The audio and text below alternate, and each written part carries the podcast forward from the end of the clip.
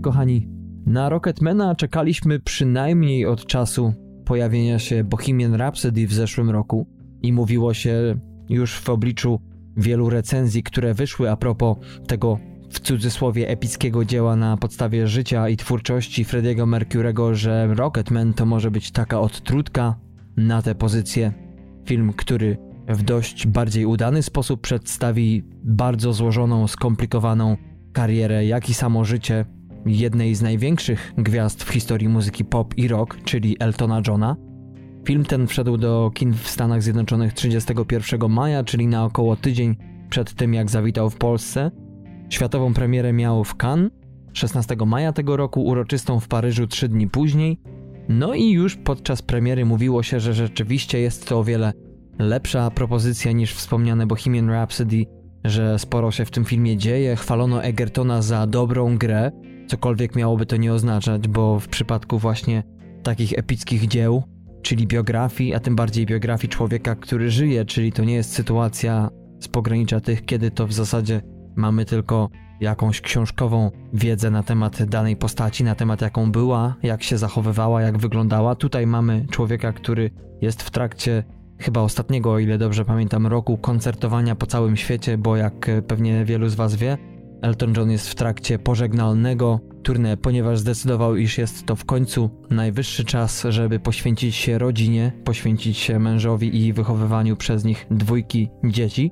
No i w końcu miałem okazję skonfrontować te pierwsze recenzje po Cannes, które były dość przychylne temu filmowi, więc ja się cieszyłem na ten temat, bo ostatnio z Patrykiem zrealizowaliśmy odcinek o biografii filmowej Briana Wilsona, frontmana grupy The Beach Boys. No i w przypadku dzisiejszego filmu także mamy do czynienia z postacią nietuzinkową, no bo Elton John to nie tylko autor wielkich przebojów, który bawił i bawi nadal publiczność od wielu, wielu dekad, ale też osoba mocno skomplikowana o mocno skomplikowanym dzieciństwie, dorastaniu. No więc wybrałem się na, jak to producenci zarzekają się, biograficzny film fantazy. Mówi się, że właśnie jedynym sposobem na opowiedzeniu o życiu Eltona Johna i jego twórczości jest właśnie zanurzenie się w świat fantazji, dlatego ten przydomek dodano temu gatunkowi. No i w dzisiejszym bonusie postaram się odpowiedzieć Wam na dwa pytania, które tak naprawdę można połączyć w jedno. Czy jest to dobry film i czy warto się na niego wybrać? Zacznijmy może od tego, jak sami producenci reklamują ten film, ponieważ na Filmwebie widnieje oto taki oto wpis a propos akcji dzisiejszego filmu. Jest to nieprawdopodobna historia jednej z największych gwiazd muzyki w historii popu i rocka. No i w tym filmie poznajemy Eltona Johna na chwilę przed przełomem w jego karierze, Rocketman to niezwykła podróż przez życie od nieśmiałego geniusza pianina Reginalda Dwighta po absolutną międzynarodową megagwiazdę popu znaną jako Elton John.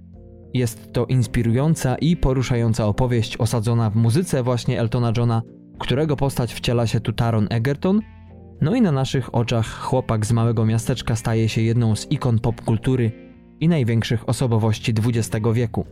Zdjęcia do tego filmu zaczęły się w sierpniu ubiegłego roku i zakończono je pod sam koniec.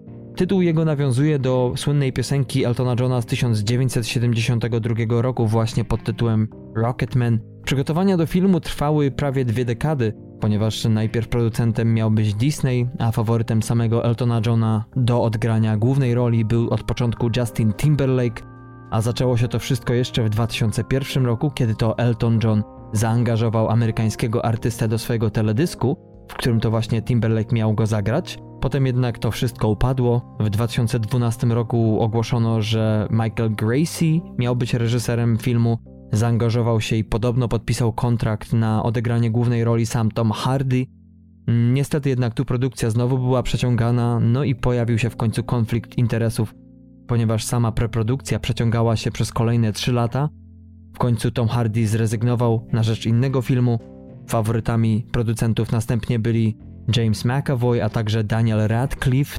W obu przypadkach pewnie potrzeba byłoby sporej ilości prostetyki. No jednak to upadło, a głównie z tego powodu, iż wtedy pilotująca sprawy wytwórnia Focus rozwiodła się z Eltonem. Powodem podobno były finanse, a także różnice kreatywne. No i do głosu doszedł w końcu Paramount Pictures. Jednak największe problemy z tą produkcją nie były pieniądze czy obsada, a naciski na złagodzenie scenariusza. i zrobienie z niego filmu bardziej rodzinnego, tak zwanego PG-13, czyli właśnie bezpiecznego dla najmłodszych. Całe szczęście, że nie do końca do tego doszło, być może niektóre rzeczy zostały wypośrodkowane w tym filmie. Tu mi się przypomina Bohemian Rhapsody i to, że do filmu miał być zaangażowany sam Sasha Baron Cohen, jednak jego pomysł na scenariusz filmu nie przypadł do gust bardziej purytańskiemu Brianowi Mayowi, który odrzucił, zdaniem jego, wiele elementów godzących w dobre imię muzyka. Tutaj jednak wydaje się, że pewnie jakieś kompromisy musiały zostać zawarte, ale jednak nie jest tak źle. Producentem filmu jest Matthew Vaughn, który właśnie przejął ten projekt, który już wcześniej współpracował z Egertonem a propos filmu Kingsman, którego był reżyserem. No i po czasie Vaughn zaangażował samego Dextera Fletchera do reżyserii tego filmu. Dexter Fletcher to oczywiście facet, który przejął prace końcowe przy filmie Bohemian Rhapsody od Briana Singera, któremu wtedy udało się być oskarżonym o molestowanie seksualne przez kilka osób. No i właśnie dobre opinie o pracy Fletchera przy Bohemian sprawiły, że został tu zaangażowany, a poprzedni reżyser Michael Gracie musiał opuścić ten projekt na rzecz innego filmu muzycznego Króla Rozrywki z Hugh Jackmanem w roli głównej. I żeby ten projekt właśnie Fletchera z Egertonem przepchnąć, to nagrano dwie piosenki właśnie z Taronem w roli Eltona Johna, z jego oryginalnym głosem aktora i pokazano je Jimowi Giannopoulosowi, człowiekowi, który wcześniej pracował już z Matthew Vaughnem i Egertonem przy Kingsmanie, a teraz już dzierżył miano CEO Paramount Pictures. No i ta wytwórnia zgodziła się ostatecznie na sfinansowanie projektu w zamian za prawa do jego międzynarodowej dystrybucji. Za scenariusz filmu odpowiedzialny jest tutaj Lee Hall, który nie jest wcale takim anonimowym scenarzystą bo w 2001 roku nominowany był do Oscara na przykład za scenariusz oryginalny do komediodramatu muzycznego Billy Elliot. No, na swoim koncie ma jeszcze takie filmy jak Czas wojny, czyli War Horse Stevena Spielberga. Tam była to wspólna praca Lee Holla z reżyserem. Natomiast w 2017 roku powstał na podstawie jego scenariusza Powiernik Królowej z Judy Dench, a w tym roku jest także współscenarzystą razem z reżyserem Tomem Hooperem filmu, o którym już wspominaliśmy na antenie czyli Cats na podstawie przebojowego broadwayowego musicalu. Wspomniany reżyser, czyli Dexter Fletcher, znany jest nie tylko za reżyserię np. takich filmów jak Wild Bill i to de facto za ten film został dostrzeżony na rodzimym brytyjskim rynku, bo tam był nominowany do BAFTY za ten film. Natomiast jako aktor możecie go znać m.in. z serialu Kompania Braci, a także z porachunków Gaja Ritchiego, natomiast jako producent wykonawczy właśnie maczał swoje palce przy zeszłorocznym Bohemian Rhapsody, no i tam też napatrzył się i już wie teraz, jak robić podobne filmy, więc wydaje się, że był to dość oczywisty wybór. Za zdjęcia do filmu dzisiejszego natomiast odpowiada George Richmond, który już wcześniej właśnie współpracował z reżyserem przy okazji Wild Billa. Także popełnił zdjęcia do dwóch części Kingsmana z 2014 i 2017 roku, a w zeszłym roku maczał swoje palce przy Tomb Raider z Alicją Vikander. W obsadzie już wspomniałem, rolę Eltona Johna gra tutaj Taron Egerton, który oprócz Kingsmana Także widziany był w filmie Robin Hood Początek w zeszłym roku. Natomiast dzisiejszy film jest drugi z Fletcherem, ponieważ pierwszy był to film z 2016 roku pod tytułem Eddie zwany Orłem, który opowiadał, nie wiem czy ktokolwiek się orientuje, o ślepym skoczku narciarskim, o człowieku, który miał ogromną wadę wzroku i mimo tych przeciwności postanowił zostać jednak latającym orłem. No a warto też dodać, że trenera Ediego zagrał w tym filmie Hugh Jackman, Oprócz y, Tarona Egertona w tym filmie ujrzymy także w roli Berniego Topina tekściarza, z którym Elton John współpracował przez wiele, wiele lat kariery i podobno do dziś jeszcze ze sobą współpracują. W tej roli mamy tutaj Jamie'ego Bella, aktora znanego m.in. z filmu Brut z Jamesem McAvoyem z 2013 roku, a także z serialu Turn, czyli Szpiedzy Waszyngtona z roku 2014. Producenta muzycznego Johna Reeda, z którym Związał się w pewnym momencie Elton John, a zarazem jego antagonistę gra tutaj Richard Madden, czyli aktor głównie znany jako Rob Stark z serii Gry o Tron, a także z zeszłorocznego serialu Bodyguard na Netflixie. W 2016 roku wystąpił także w Dniu Bastylii, w którym to partnerował Idrisie Elbie.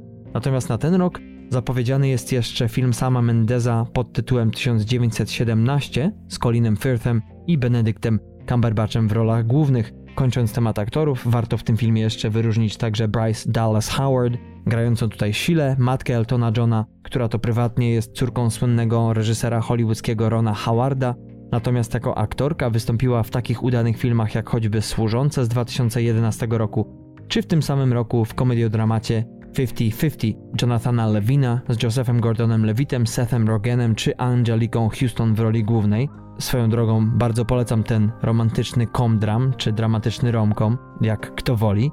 Jeśli chodzi o ciekawostki dotyczące dzisiejszej premiery, to warto odnotować, że Taron Egerton śpiewa tu wszystkie utwory.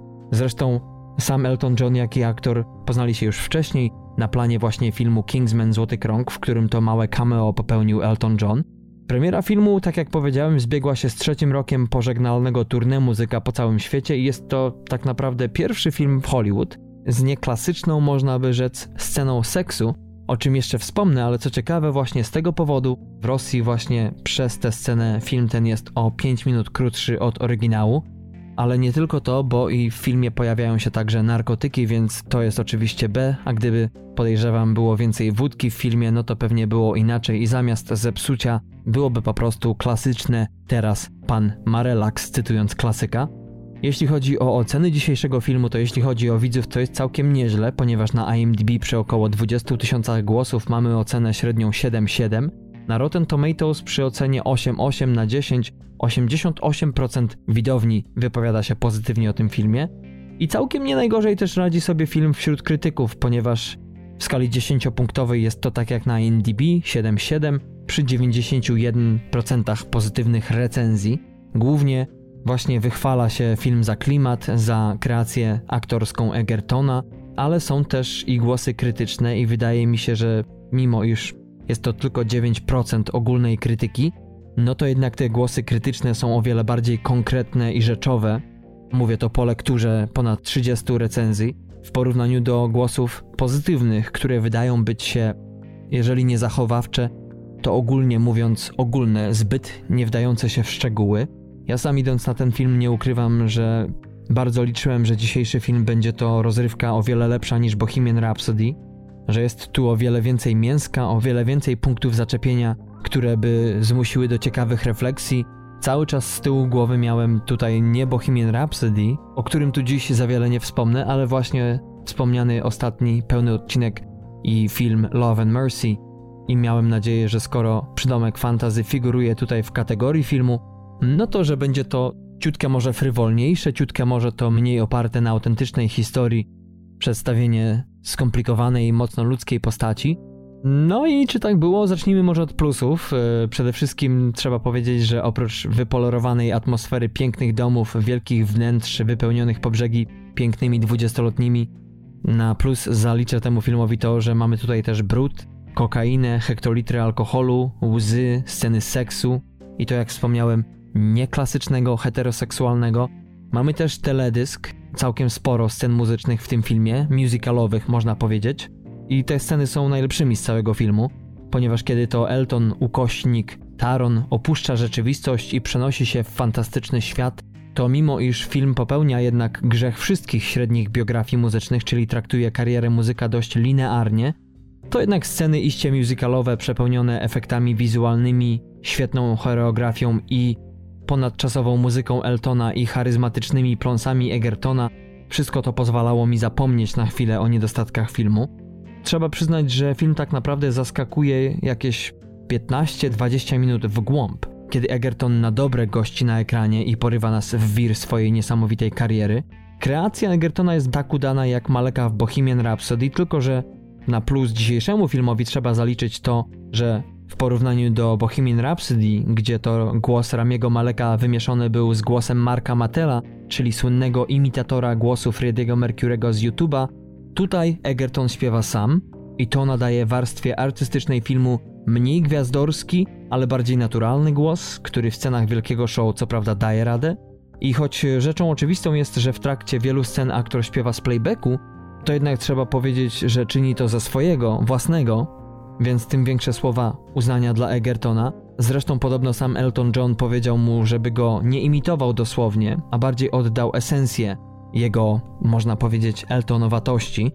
I moim zdaniem Egertonowi się tutaj to idealnie udaje, bo tak naprawdę o to chodzi tutaj. Wydaje mi się, że jednak Elton John jest, przynajmniej mi był mało znaną osobą, oprócz jego utworów i kilku faktów z życia tak naprawdę niewiele o tym człowieku wiedziałem, mimo iż praktycznie jego twórczość i moje życie no, są powiedzmy prawie tak długie, może nie do końca, ale jednak sporo hitów popełnił od momentu, kiedy ja się urodziłem i też słuchałem jego muzykę, ale jednak jakoś jego występki, szczegóły z jego biografii nie przeniknęły do mojej świadomości. Tym bardziej dzisiejszy film i właśnie ta kreacja, zamiast oddawać skomplikowaność człowieka co do Joty, to bardziej tutaj koncentruje się na po prostu szczerym oddaniu emocji w danym momencie głównego bohatera i uważam, że Egertonowi udaje się to idealnie.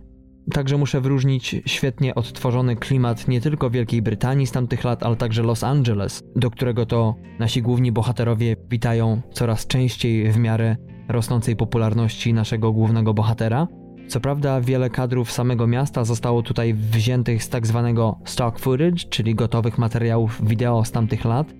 No to już wnętrza klubów, a także sama atmosfera tego, co to znaczy być z południowej czy w południowej Kalifornii, od sposobu bycia po ubiór, głos, w którym słychać moim zdaniem taką lekką nutę tego, jakby każdy co dopiero zszedł z deski surfingowej, no to wszystko jest po prostu najwyższej jakości i moim zdaniem na tym, kochani, kończą się plusy a propos tego filmu, bo muszę stwierdzić, że tak naprawdę przez pierwsze 10 minut nie mogłem się doczekać, żeby wyjść z kina, a wszystko to przez bolesną sztampowość scenariusza, jego dialogów i sztuczność scen, w których to aktorzy, tu prym wiedzie niestety Bryce Dallas Howard, zagrywali się jak tylko mogli, aż ucho i oko bolało. Pytanie, jakie znowu zacząłem sobie zadawać w trakcie tego seansu, jest takie, czy po prostu ze mną jest coś nie tak, czy twórcy starają się podobne filmy zrobić tylko i wyłącznie dla ludzi, którzy mają moim zdaniem niesamowicie rzadki dar od niebios, że każdy kolejny film jest jakby pierwszym w ich życiu i przekalkowana setki razy łopatologiczność narracyjna nie wywiera bynajmniej na nich negatywnego wpływu. Tu chodzi mi na przykład o sceny takie, w których widzimy na przykład ojca Eltona, który jest oschłym człowiekiem. My to jako widzowie widzimy, po czym ktoś mówi, ale jesteś oschły. No i dla mnie jest to po prostu strata mojego czasu i dowód na impotencję artystyczną twórców filmu, którzy nie potrafią inteligentnie rozegrać danego wątku w filmie. Od zawsze sztuka zdaniem wielu polegała na powtarzaniu się pewnych schematów, zabiegów czy chwytów, ale niestety dzisiejsi twórcy, bo już nie chcę mówić scenarzyści, bo kto wie jaki wpływ na sam scenariusz właśnie mieli oni, a nie na przykład dwór samego Altona, tak jak podobnie było to z Bohemian Rhapsody, gdzie Brian May tak ocenzurował film, że wyszło to co wyszło. No tak czy siak, mimo iż w dalszej części dzisiejszego filmu dialogi co prawda potrafią się wspiąć o półkę wyżej i wszystko to wygląda o wiele lepiej, no to niestety nie jest to jednak żadna górna półka, no i przez to trzeba sobie postawić sprawę jasno. Rocketman to całkiem przyjemna rozrywka tylko wtedy, kiedy nie ma fabuły i zabijających ją dialogów, a po prostu jest to czystej rasy musical filmowy, który czasem ociera się o teledysk, ale zazwyczaj tutaj jest ciut więcej, jak to się mówi w żargonie, tłuszczyku, którego w typowym teledysku byśmy nie mieli. Nie wiem, czy to jest dobrze, czy źle dla filmu, sam jednak te sceny bym jeszcze bardziej przyciął, ale jednak mam wrażenie, że wtedy zrobiłyby się dwa osobne filmy w jednym, więc niech zostanie moim zdaniem tak, jak jest w dzisiejszej wersji. W pewnym sensie uważam, że mają rację ci krytycy, a niestety jest ich zatrważająca mniejszość, którzy na moje zrozumienie otaczającej mnie rzeczywistości punktują ten film dość fair, że jednak aż grzeszy on od użalania się nad samym Eltonem. Nie jest to co prawda 100% filmu i Elton także potrafi wziąć sprawy w swoje ręce, ale niestety ta dwuwymiarowość postaci głównego bohatera jest jednak tylko lekko zarysowana. Elton John potrafi w filmie odzyskać grunt pod nogami, oczywiście w trakcie wykonywania przez siebie wspomnianych numerów, co aż przyjemnie się ogląda, a Egerton jest tutaj wyśmienitym kąskiem nie tylko dla oka ze względu na swój wygląd, ale przede wszystkim na zniuansowaną i wcale nie przerysowaną grę aktorską. Ale jednak kiedy przychodzi co do czego, no to jego postawa jednak jest mdła jak niedosolony krupnik i nawet scena w basenie, a tu nie będę może zdradzał o co w niej chodzi, ale moim zdaniem powinna być to absolutnie najbardziej kluczowa scena w filmie. No i niestety jednak mnie zbytnio nie ruszyła, no po prostu działa się od tak. A ja siedziałem sobie w kinie i bardziej niż cokolwiek pragnąłem poczuć właśnie współczucie przede wszystkim dla głównego bohatera, jednak moim zdaniem problemem było to, że twórcy kompletnie nie potrafili nabudować postaci przez wszystkie poprzedzające sceny. No i tylko z tego względu ciężko było mojemu sercu po prostu tak z linii prostej na monitorze nagle zapikować w górę. No gdybym jeszcze miał pod bokiem kokainę, to być może, ale niestety woreczek był w ręku Eltona, który ani myślał go puścić, że tak zażartuje smakowicie na koniec. To, co mi zapadło najbardziej z jednej z najciekawszych recenzji tego filmu, które bezlitośnie go punktują, to fragment dotyczący sceny, w trakcie której Elton nie jest zbyt szczęśliwą osobą E, jednak atmosfera wokół niego jest po prostu tak senna, tak padła, że gdy ten posiłkuje się kolejną porcją kokainy, wszystko to, jak to podsumował jeden krytyk, czyli przepiękny dom z basenem, bawiący się goście w skąpych kostiumach kąpielowych oraz status finansowy gwiazdora, przypomniało owemu krytykowi obraz Baza Lurmana z Leonardo DiCaprio pod tytułem The Great Gatsby, jednak parafrazując tytuł tamtego dzieła, krytyk ten nazwał dzisiejszy film po prostu The Gay Gatsby i e, uważam, żeby to zrozumieć po prostu trzeba zarówno scenę w dzisiejszym filmie, jak i obraz Lurmana zobaczyć. I może ten krytyk był bardziej rozżalony na sam obraz niż ja, natomiast ta scena przypomniała mi się dopiero w trakcie lektury owej recenzji, ale rzeczywiście jest coś w tym na rzecz i może wy też to wyłapiecie. Dla mnie było to naprawdę celne porównanie. Może ciutkę zbyt kąśliwe, ale jednak jest, tak jak każdej karykaturze, ciutkę prawdy, tak i tutaj też jej odrobina. Podsumowując kreację w tym filmie, to wszyscy oprócz może Bryce Dallas Howard, no oprócz końcówki, w której moim zdaniem daje radę, to tutaj robią w tym filmie dobrą robotę. Egerton gra świetnie. Początek filmu aktorsko ratuje także kreacja Gemmy Jones jako babci młodego Reginalda. Natomiast co do Bryce, to muszę powiedzieć, że chyba przede wszystkim nie pomógł jej scenariusz i na karp tego chcę zrzucić to całe moje rozczarowanie jej postacią bo aktorka potrafi grać, to wiem bez dwóch zdań, natomiast tutaj no jednak chodziło o sztampowość dialogów i, i ona jednak też chyba nie do końca potrafiła, tak mi się wydaje, rozgryźć jak to zagrać, żeby się nie zagrać. I to tak naprawdę chyba jest największy problem dla wszystkich aktorów, że wszystkie te postaci zostały poprowadzone właśnie cienką kreską, a mimo to twórcom udało się jednak je przerysować do właśnie miana karykatur, jak w przypadku właśnie wspomnianej Bryce Dallas Howard. Przynajmniej w Bohemian Rhapsody, co muszę przy ciężkim sercu przyznać, postaci, choć także były płaskie jak pas startowy, to jednak główna postać Frediego Mercurego potrafiła nas w wielu momentach porwać. Tutaj, jak mówi z kolei inny krytyk, żeby porwać publiczność, to przydałaby się lewitacja, która także pojawia się w pewnym momencie w filmie, nawiasem mówiąc. Ale jak dalej pisze krytyk, ta scena uziemiła go na dobre. I choć mnie może tak bardzo nie dotknęła, to Znowu kompletnie rozumiem zdanie tego człowieka. Samo przekłamanie pewnych faktów historycznych nie zrobiło na mnie natomiast żadnego wrażenia, bo też nie po to poszedłem na film. Chciałem dostać obraz, który mnie zafascynuje, nawet za cenę bycia nikczemnym kłamstwem na temat życia samego twórcy.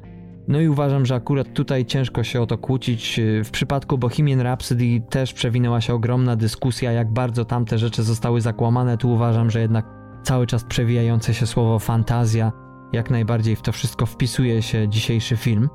I też prawdą jest to, co z kolei trzeci krytyk pisze o tym filmie, że choć w jednej z pierwszych scen Elton przyznaje się do grzechu bycia alkoholikiem, człowiekiem uzależnionym od narkotyków, o jego uzależnieniu od seksu dowiadujemy się dopiero później, to jednak przez cały film rzeczywiście zdawało mi się także, że, że wszyscy raczej grzeszą wokół gwiazdora niż on wobec innych, nie chcę osądzać, że była to celowa zagrywka twórców, by wybielić głównego bohatera i podstawić mu nieskazitelnie białego konia, ale niestety to, z czym mamy do czynienia, niestety poniekąd właśnie tak wyszło. Ale żeby nie do końca po tym filmie jechać, to powiem, że nie wiem jak, ale te dwie godziny naprawdę szybko mi zleciały. A poszedłem do kina na czczo, tylko o kawie, więc wydaje się, że powinno być zupełnie odwrotnie, a tu proszę taki psikus. No i okej, okay, powiem też, że w jednej scenie naprawdę wczułem się w los bohatera i nawet uroniła mi się łezka, żeby nie było. Ale podsumowując krótko, kochani, warto ten film obejrzeć tylko dla dwóch rzeczy. No okej, okay, trzech. Dla kreacji Egertona, która przybliża nam raczej mało znane szczegóły z życia jednej z największych ikon popu w historii, dla scen musicalowych oraz scen seksu. Bo czy komuś się to podoba, czy nie, to stanowią one sporą kroplę, jeśli chodzi o wysokobudżetowe produkcje hollywoodzkie, które raczej stronią od tematów, które przez niektórych nazywane są nadal zgrabnie inną miłością. Jeden z polskich recenzentów tak pisze o Rocketmanie: Jeżeli Rocketman ma być pretekstem do zainteresowania widzów do lepszego poznania twórczości Eltona Johna, to film spełnia swoje zadanie doskonale. No okej, okay, mogę się z tym zgodzić.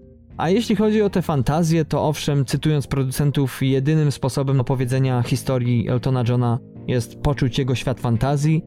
Owszem, szkoda tylko, że prawdziwa fantazja pojawia się tylko w trakcie kilku wybranych scen.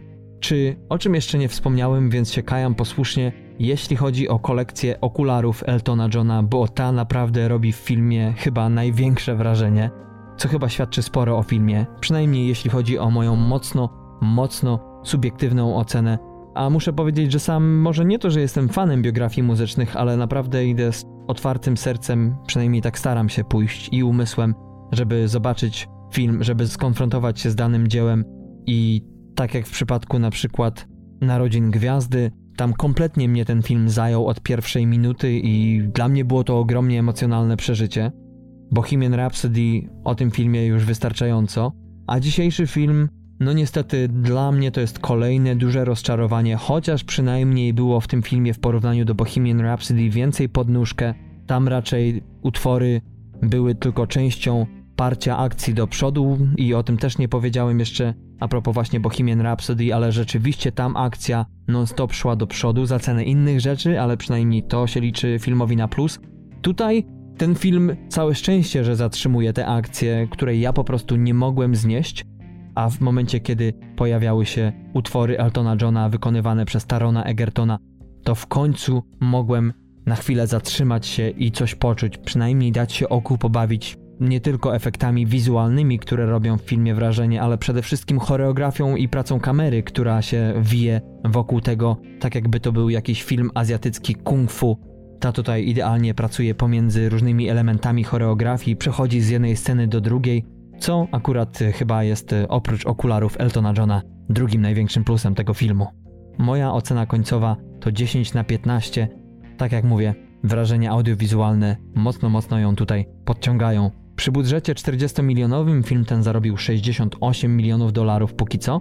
Pewnie zarobi jeszcze, no podejrzewam, że prawie drugie tyle, choćby ze względu na pozytywne recenzje. Chociaż tak naprawdę wielokrotnie mówi się o tym, że tak naprawdę są dwa obiegi, jeśli chodzi o recenzję, czyli ten publiczny na IMDb i na Rotten Tomatoes oraz ten, który istnieje między ludźmi, a podobno tam gadają dość bardziej przyziemnie już o tym filmie, no i przynajmniej nie piejąc nad nim z zachwytu, nie nakręcają spirali zainteresowania tym dziełem. Tak jak powiedziałem, uważam, że te dwie godziny w kinie całkiem szybko mijają, ale nie jest to film, o którym się będzie mówiło latami. Dla mnie jest to film jak najbardziej do zapomnienia i jak ktoś jeszcze nie widział ostatniego naszego filmu z pełnego odcinka, czyli Love and Mercy, to polecam wam obejrzenie dzisiejszej landrynki z tamtą gorzką pigułką.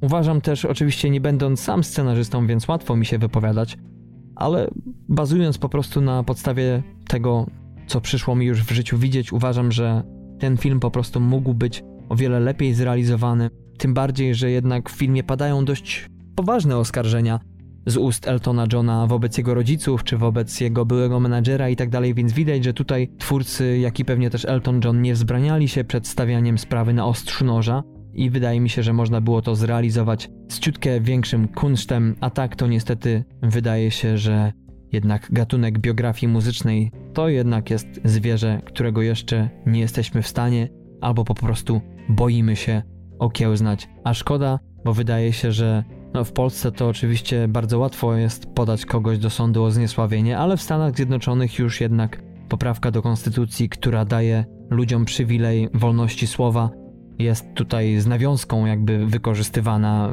czy to chodzi na przykład o krytykę obecnego prezydenta Stanów Zjednoczonych na Twitterze czy na Facebooku, za co nie pozywa się, a w Polsce jednak, czy w pewnie innych krajach europejskich coś takiego spotkałoby się no na pewno z jakimś procesem z urzędu.